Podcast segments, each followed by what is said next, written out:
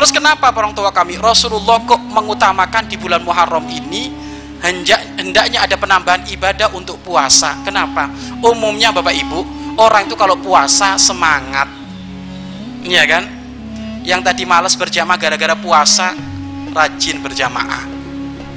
Yang tadinya malas mau infak eh ngelihat kota amal kosong karena dia puasa. Orang puasa itu bang tua kami terjaga orang puasa itu terjaga senantiasa diintil malaikat sehingga mudah sekali untuk melakukan kebaikan-kebaikan. Ya mudah sekali untuk melakukan kebaikan-kebaikan. Biasanya bapak ibu iya kan? Biasanya kalau nggak puasa bapak ibu nganggur baik nganggur baik main HP terus karena puasa alhamdulillah buka Al-Quran. Ya baru puasa. Karena puasa orang puasa itu bapak ibu hawa nafsunya dikekang oleh Allah sehingga yang ada rindu kebaikan kebaikan kebaikan. Makanya perbanyaklah puasa sehingga dari situ nanti kita akan mudah banyak-banyak melakukan amal kebaikan